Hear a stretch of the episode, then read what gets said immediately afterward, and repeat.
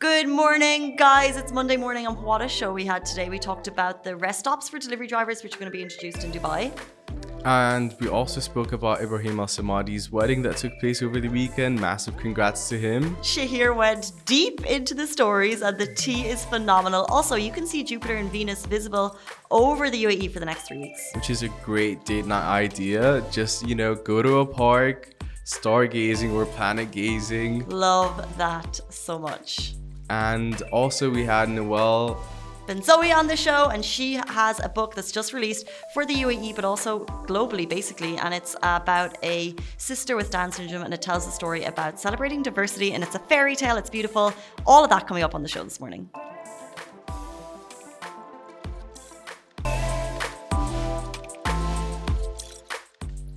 Good morning, Dubai. Welcome back to the Lovin Dubai show. Our top stories for you today rest stops for delivery drivers will launch in Dubai. And also, Jupiter and Venus will be visible over the UAE for the next three weeks. A massive congratulations to Dubai Bling's Ebraheem, who tied the knot on Friday night in Abu Dhabi. And also, Nawal Benzaouia pens children's book about her sister with Down syndrome. Such a lovely story. Such a lovely story. And she's actually coming into the studio at about 8.50, 8.55. We're a little bit late this morning. Um, but she's talking about this really important book. Uh, she wrote it for uh, children and families who, uh, so it's her sister who had Down syndrome. It's called Maya and Grace, The Tale of the Girl with No Hair. It's a really important book and it sends across a really important message. So if you'd like to get your hands on it, she's brought two into the studio. If anyone's interested, just tag us and just say we'd like the book and uh, we'll get this uh, to you. So if you're watching the show, do tag us in the comments as always. Uh, we love to see them. And we're going to get the story behind the book later in the show. Before we get to our top story, Shahir, thank you for jumping in. Of course, no worries. You're filling Simran's big shoes. Well, are they that big? I think I've got bigger feet. They're very glamorous, or Simran's. They are very glamorous. She has the Barbie vibes at times, you know, the so many different vibes. Simran brings the vibes first thing in the morning with her shoes. But she'll be back uh, tomorrow morning, as mm-hmm. always, hopefully. Um, but as always, Shahir's jumping in. Uh, got you guys. He's usually behind the scenes, so we're so lucky to have him this morning. As we are lucky to have you guys. Thank you as always for tuning in on Instagram, Facebook, Twitter, TikTok, and podcast. And we love to see your comments coming in. Uh, thank you so much, social media from Brazil. Hugs to you too. Um, we really appreciate you tuning in. Uh, and if you want to get the show after, it's always live on all of those feeds later on in the mm-hmm. day. And also in podcast form, in case you can't watch and your boss is like, hey, but what are you doing? You're like, oh, I'm listening to a podcast, news. There you go, podcast format. Um, let's jump into our top story. Rest stops have been introduced for delivery drivers in Dubai. This is a big story that we broke yesterday um, on our feed on Instagram. So the number of delivery uh, service companies in Dubai in 2022 was 2,891 delivery driver services. You see them on the roads. Mm-hmm. You know it's a big business. You appreciate um, them. You appreciate them. Uh, do we appreciate them enough? There's a question. Um, so there's also recording a growth rate of delivery drivers, 48% compared to 2021. So it's a growing business. And with that, we need to grow the infrastructure around it. And that's what the RTA are doing.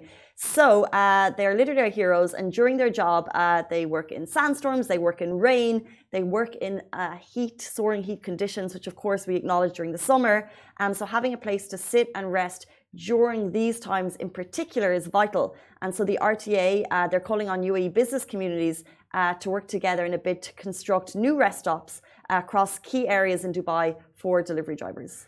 So the project aims um, to provide basic services for delivery drivers such as maintenance, refueling, rest areas, restaurants, and the station will be situated in three really important locations. Um, so this will include um, Sheikh Zayed Road near Festival Plaza. The second will be at Port Said next to Al Muraqabat Street 22. And the third will be at Ras Al Khor Industrial Area 2, uh, close to Al Manama Street. Now, by launching this project, the RTA aims to make delivery drivers happier by providing uh, the basic services they need, such as maintenance, refueling, rest areas, and restaurants. So it's mm-hmm. not just a kind of like a pit stop. There's going to be a lot of facilities there for the drivers, and at these facilities, the RTA will provide educational material about safety and quality regulation. Hadn't thought about it. Much needed. Brilliant yes. initiative by the RTA. One thousand percent, especially with summer coming along. Like I know it's just March, but it really, really is getting hotter. And these things are neat. Like they do the absolute most for us. They come in with a smile on their faces. So um, just acknowledging what needs to be done. You know, like I've only needed taxis, especially like the last week, Hmm. and the positive attitude you appreciate that. So small things, and with just like summer, especially like walking to your car is already excruciatingly hot. You know. So let alone like dealing with the circumstances of Mother Nature all day long. Exactly. And had we thought about how I certainly hadn't thought about um, in harsh weather where Mm-hmm. a driver is going. Obviously, they'll have their depot uh, where they leave their bike, but that's going to be in one location in Dubai. This will be uh, three key areas across the city where all drivers will be able to go to. And as we said, it's not just a rest area. There'll be restaurants, there'll be maintenance information, uh, there'll be uh, you know tips and rules from the RTA that the, uh, the you know it's it's a basic place to go. Um, super great initiative. You know, one person said actually, uh, hope there'll be water. Yes, there'll be water. People had questions. There'll be water. There'll be food. Um, one person said, which I thought was genius, can they get their own lane, driving lane? That's actually genius. Yeah, that's a genius question. Because like we don't necessarily have like motor motorbike lanes. routes. Yeah, exactly. Or even bike lanes in general. You know, there are areas where that's provided, but it's the Middle East, you know, like the it roads are different. Exactly, they're different. It could come in future. It's one thing we Mm-hmm. Hadn't really thought about the fact that there's no bus lanes here and there's no, and that could essentially be a, a road for the drivers as well. I know how conscious I am as a relatively new driver about bikers on the road. Yeah. They just come out of nowhere, and I'm so conscious of like yeah. even when they're and it, it when there's a biker behind me or there's a biker in front of me, I'm five times more aware, and I'm not sure why. Like Mm-hmm. I know the sa- I'll keep the same distance between a car and a bike, but for Mm-hmm. some reason I'm more concerned if it's a delivery driver. I know you and then if they're right behind me, I'm like, oh, I need to make sure I'm giving them loads of space and all of that. I don't know if that's just me being conscious or Nope, I get it. Like, so on the way here today, there was major traffic, and with bikes especially, they can like not slither necessarily, but like make their way through the traffic easier than cars can, of course. But just like switching lanes and all these small things, you have to be super cautious of people on bikes in general. And this initiative is basically brought about because of the massive growth in the delivery driver industry. We gave the numbers there at the beginning of the segment. And as we know, we're, we're a delivery city. We get it morning, morning, noon, and night. Everything from our cosmetics to our food Yeah. to our groceries. Uh, everything can be delivered at the drop of a hat. And this is a great innovation initiative uh, to make sure that drivers are more comfortable on the roads. Yep, well said, Casey. Um, so moving on to our second story, out of this world, some might say. So Jupiter and Venus will be visible over the UAE for the next three weeks. So if you're wondering what those bright objects are in the sky, it's not me and it's not Casey.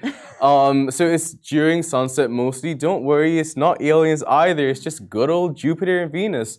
So these two planets um, are stars of the show, illuminating bright and um, appearing with within eyeshot in the UAE residents can see for the next three weeks. Have you seen them? No, I haven't. Is anyone, you haven't seen them? No, so 7 p.m. No, I haven't. So 7 p.m.'s uh, like prime time to see. No, it's this kickoff. So like as it gets Oh, as it okay, gets okay. dark from sunset, you're you'll, Oh. they'll kind of be a little bit visible. Yeah. And then as it gets to I don't know what the darkest point of the evening is, then they'll be the most visible later on in the evening. Uh, is anyone watching? Have you Oh. guys seen um uh someone's saying fix your mic on Instagram. Can you let us know which person and we can try and fix Yeah, it? right? We're actually a little bit uh, short on team today, so let us know. You guys can be our team too. Let us know which mic is broken. Thanks, guys. These small things are highly appreciated. Uh, let us know and we'll try and fix it during the show. Um, and if it's broken on Instagram, you can jump onto Facebook and Twitter, where And uh, YouTube. on YouTube, where we have our TikTok. top show.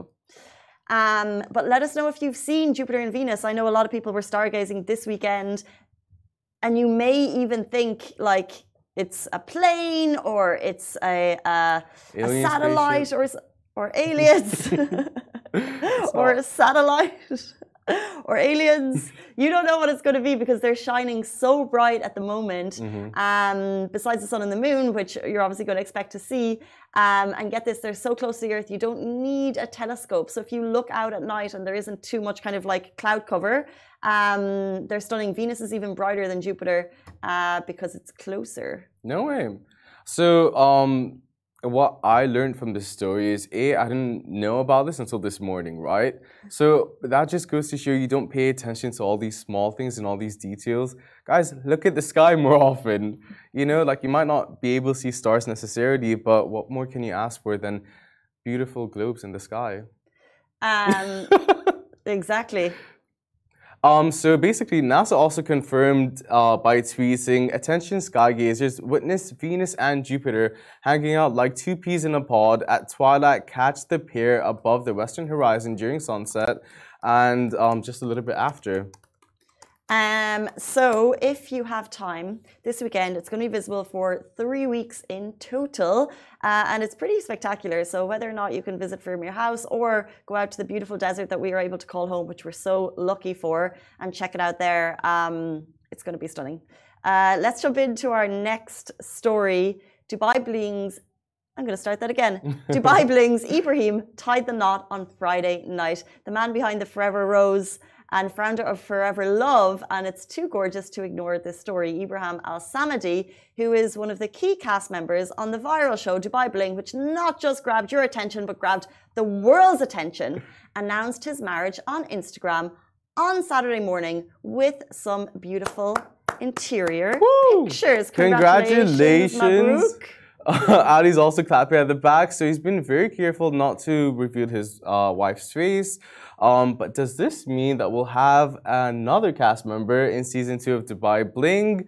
Only time will tell. The wedding time will tell. The wedding took place at uh, Rixos Premium on Saadiyat Island in AD and has many other cast members from the show too. Although I noticed that Zeina wasn't there. Yeah, there was a, there was a few not there. Nina Ali was not there. I don't think Caroline Stanbury was there. Mm-hmm. Um, also, the wedding decor was stunning, clearly inspired by his Forever Rose Cafe in Box Park. Uh, Box Park. Uh, mm-hmm. Box Park. Box Park. Box Park. Um, it was organized by Ebraheem himself, so no surprise there, and True. it was absolutely mesmerizing. It was uh, one for the books, for mm-hmm. sure. The wedding was attended by influencers. We saw Mona Kattan, who, yes, is confirmed for Dubai Bling season two. Farhana Bodi was there, so most of our images came from her own Instagram. Yeah.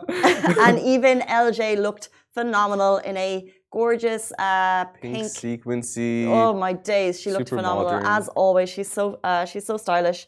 Um, but that was the Dubai Bling. Now, lots of comments coming through about the nature of the wedding. Can we just say, mm-hmm. we reported that he got married. Mm-hmm. A lot of people reported got married yeah. because Hannah Bodi was like, I'm going to Ebraheem's wedding. She was like, I'm at Ebraheem's wedding. Mm-hmm. Uh, Nina Ali said she posted a picture being like, uh, Congratulations on your wedding, Ebraheem. I'm sorry I'm not there. Let's just bear in mind that they're all part of a reality show mm-hmm. that they're currently filming for. So until we actually see it, let's just hold back our judgment on what the wedding is about, right? right? Like, that's the thing. They, this is something that you want on reality show, not for the sake of it being a reality show, because memories, you know, this is your own wedding footage, and it's you're sharing with the world, and it's very generous at the same time to share that part. Because a lot of reality shows in general, they don't show these like small, well, not small, major details, um, but they hide parts of their lives. Um, but yeah, I can't wait for season two because there's more like more in tea. store. So Diva D was there, by the way. DJ mm-hmm. Bliss was there. Mm-hmm. I didn't know Ebraheem Al Samadi was Emirati. Yeah. Yeah, I didn't know. I was surprised there. It's also the dancers um, have so many different um, so many different forms of dancers in general. You know, there was a lot of culture. There was a lot of thought put into it even like the table decor, like it had like nods to nods to his businesses and culture in general. Like there was a lot of Arabic calligraphy.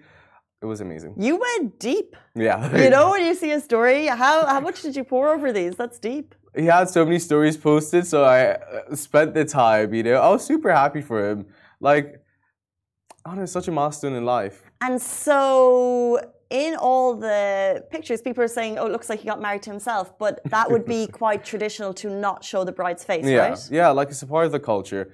So many of my friends got married um, or went to weddings, and you can see on the stories like it cuts off like the top half, you know, just out of respect and out of privacy, because not everyone wants to share that part to the rest of the world anyway. But it's also more so cultural um, out of respect for both the man and the woman getting married. And I think that's really important to note because, as we know, the as we said at the beginning of the segment, Dubai Bling is being watched by people around the world, so they not may not understand mm-hmm. why the bride wasn't seen exactly. in the pictures because it's all Ebraheem, of course, but it's a cultural reason. Yeah. Um, and it's very common to not see the pictures of the bride. Yeah.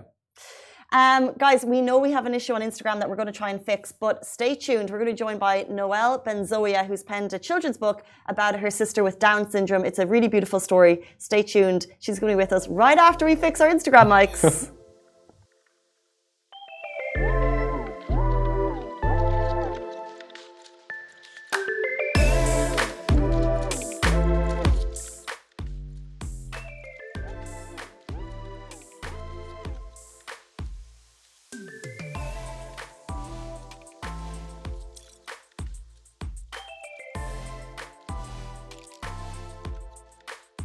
Welcome back to the Lovin Dubai show. We're now joined by an author who wrote the first children's book about two sisters, one of whom has Down syndrome, and it was inspired by her relationship with her own sister. Welcome to the show, Nawal Benzaouia. Thank you so much for joining. Thank you for thank you to you to inviting me. Not at all. So this is a book. We're going to get into it um, that you've written. But first of all, can you just tell us a little bit about yourself and how you came to write this book? Okay, so basically, I have a little sister with Down syndrome and with no hair. And through my life, a lot of people made fun of her. They call her monster. And uh, every time when I was working with her, they say, "Oh my God, look at this girl! She has no hair. She's quite weird. She doesn't walk like us." And it's really affected me because for me, my sister didn't look any different because I didn't really know that she has Down syndrome. So basically, through my life, I just understood that if people were saying that she looks like a monster, it's because they don't know what is Down syndrome. We don't really educate them. We don't really tell them what is to what what who are people of determination, what kind of disability they can have. So I believe that education is really important, and I wanted to show in my book that a sister can be with Down syndrome and can do a lot of things also. Really nice. Can you give everyone who's watching today just a little bit of background? What is Down syndrome? So basically, Down syndrome is a genetic condition. You have one chromosome in the 21 pair, and it can be associated to other kind of disability. In the case of in the case of my sister, she had a leukemia, and then she lost her, all her hair. That's why today she's with no hair, and um, there is no uh, typical people with Down syndrome because everyone is unique and different. Some of them can go to the university, some of them can read and write, but for my sister, it's quite different because she couldn't do all of that.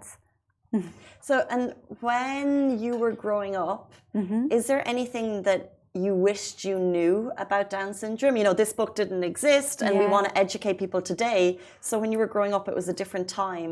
What do you wish you knew about Down syndrome then? I wish that I knew that uh, people with Down syndrome can do everything and they shouldn't be treated as someone different. I wish that I knew that it's a condition, but it doesn't mean that life is not really accessible for them and we can build things.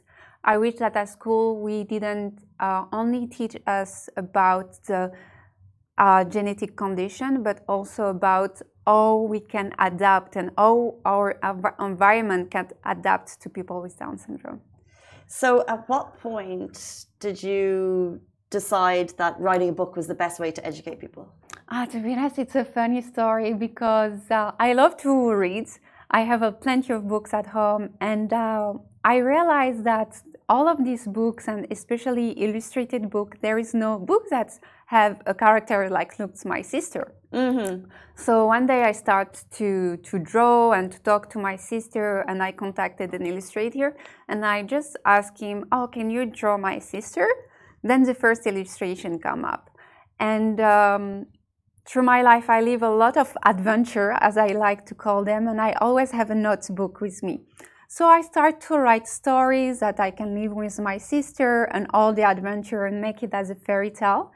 And then I just said, okay, maybe it's time to write a book. And my friend uh, pushed me, and my husband also. They were like, Nawal, you're always writing a lot of things in your notebook. It has to to be alive at some oh, point. Wow. Yeah. and uh, then I just showed the first illustration to my little sister, and she was the first thing that she said is, "Thank you." So it really touched me, and I felt like okay, now I'll just have to continue. So I sent my manuscript to publishing house and they just loved it. So then the story began. Amazing. Because what I love about this book is it's not it's not an obvious educational piece, which yes. obviously it is in the background, but it's at the heart of it, it's a fairy tale. Yes. So tell us about the fairy tale. So basically, the two sisters are living in the Mushi kingdom, and uh, their parents forbade them to go out outside the castle. But one day, the parents, who are the Poirot, decided to go to find a cure for Grace, the little sister with Down syndrome, and uh, they didn't come back. So after a few years being in the castle, the two little sisters, the two sisters decided to go out of the castle and this is where their adventure starts. They are going on their way to the Sierra forest and meeting animals, people, and uh, all of them, all individual as different, and they are mm. learning about all of these animals. It's amazing. Um, I love how when you said you showed it to your sister, she said thank you. What has? When did you launch, and like, what's the general reaction of the public been like since you brought it to the people? It's been less than a month that it had been launched officially, and most of the time they are like, let's say, the people that are close to me are very surprised and already organized my sister, whereas the other one didn't feel any different. They're like, oh, the sister are having beautiful adventure. In the book, there is a story about a wolf without arms, and are, and I have a, people saying, "Oh my God, this story is so touchy. It reminds me this and that. It reminded me when I first met one people of determination in a wheelchair, and I thought that it couldn't know, couldn't not do a lot of things. And um, yes, basically people are quite happy, and I'm also very surprised because the stories inside that I loved uh, are not people favorite actually. really? It's a complete opposite. They're like, okay, now well, we love the story with the law, uh, with the wolf, or I have also plenty of kids that are, are texting me on Instagram or they are saying, Oh, uh, actually, I met a girl without hair, and uh, because of Grace, now I know that it's normal and mm. it can mm. happen. Amazing. And writing it, did you come across any kind of, I guess, challenges writing about people with Down syndrome? Was there any difficulties along the way before you were able to publish it? Let's say that the difficulty I, in my book i didn't want to mention that uh, the little girl grace is with down syndrome. So the difficulty was like okay uh, to touch kids and to let them understand that the difference of various kind of disability without mentioning it. Because as you said it's a fairy tale. I know that most of the time when we try to uh, read a book that can educate us on many topics it can be boring for kids because you know their attention and they want they are more going toward fairy tales toward animals. So this was the challenge it's beautiful. It's a fairy tale celebrating diversity. Yes, exactly. Um, and it's an amazing story for kids all over the world should be able to read it. How can people get in touch with you if they have any comments, and how can they buy the book? Oh, they can buy it. They can find it on Amazon. It's available, and it's also they can just write Maya and Grace, the tale of the girl with no hair. And uh, if they want to get in contact with me, they just can contact me through my Instagram or I will be available. it's so so important that you've written this book. And um, uh, when I was reading about the background notes, it's the first ever book that's written. Yes, which is amazing. Because most of the time we have book talking about Down syndrome, and not the story of the sister, so the sibling point of view exactly. or what. Because sometimes we are a bit left in the corner. We forgot about us. We are talking about the parents of the struggle is difficult, but what about us? What about the siblings? Because being with an individual with Down syndrome and seeing oh misconception of disability are in the daily uh, life, so we forgot about siblings, and we have also a lot of things to say. So yes, it's the first book talking about a little girl with Down syndrome without hair, and also about the point of view of her sister. So interesting, and it's so important. So, if parents can consider the siblings as well, yes. uh, it's such an important topic. So, thank you so much for writing thank the book and bringing it here with us today. Really appreciate your time. Thank you for your time, and thank you for giving me the opportunity to talk about this fairy tale. Not at all, guys. A beautiful fairy tale. Uh, that is all we have time for in the Lovin Dubai show today. That was Nawal Benzaouia. Really appreciate your time, and we'll see you tomorrow morning, same time, same place. Goodbye. Thank you. Bye bye. This show is brought to you by the Augustus Media Podcast Network. Thank you for listening, and I hope you enjoyed it.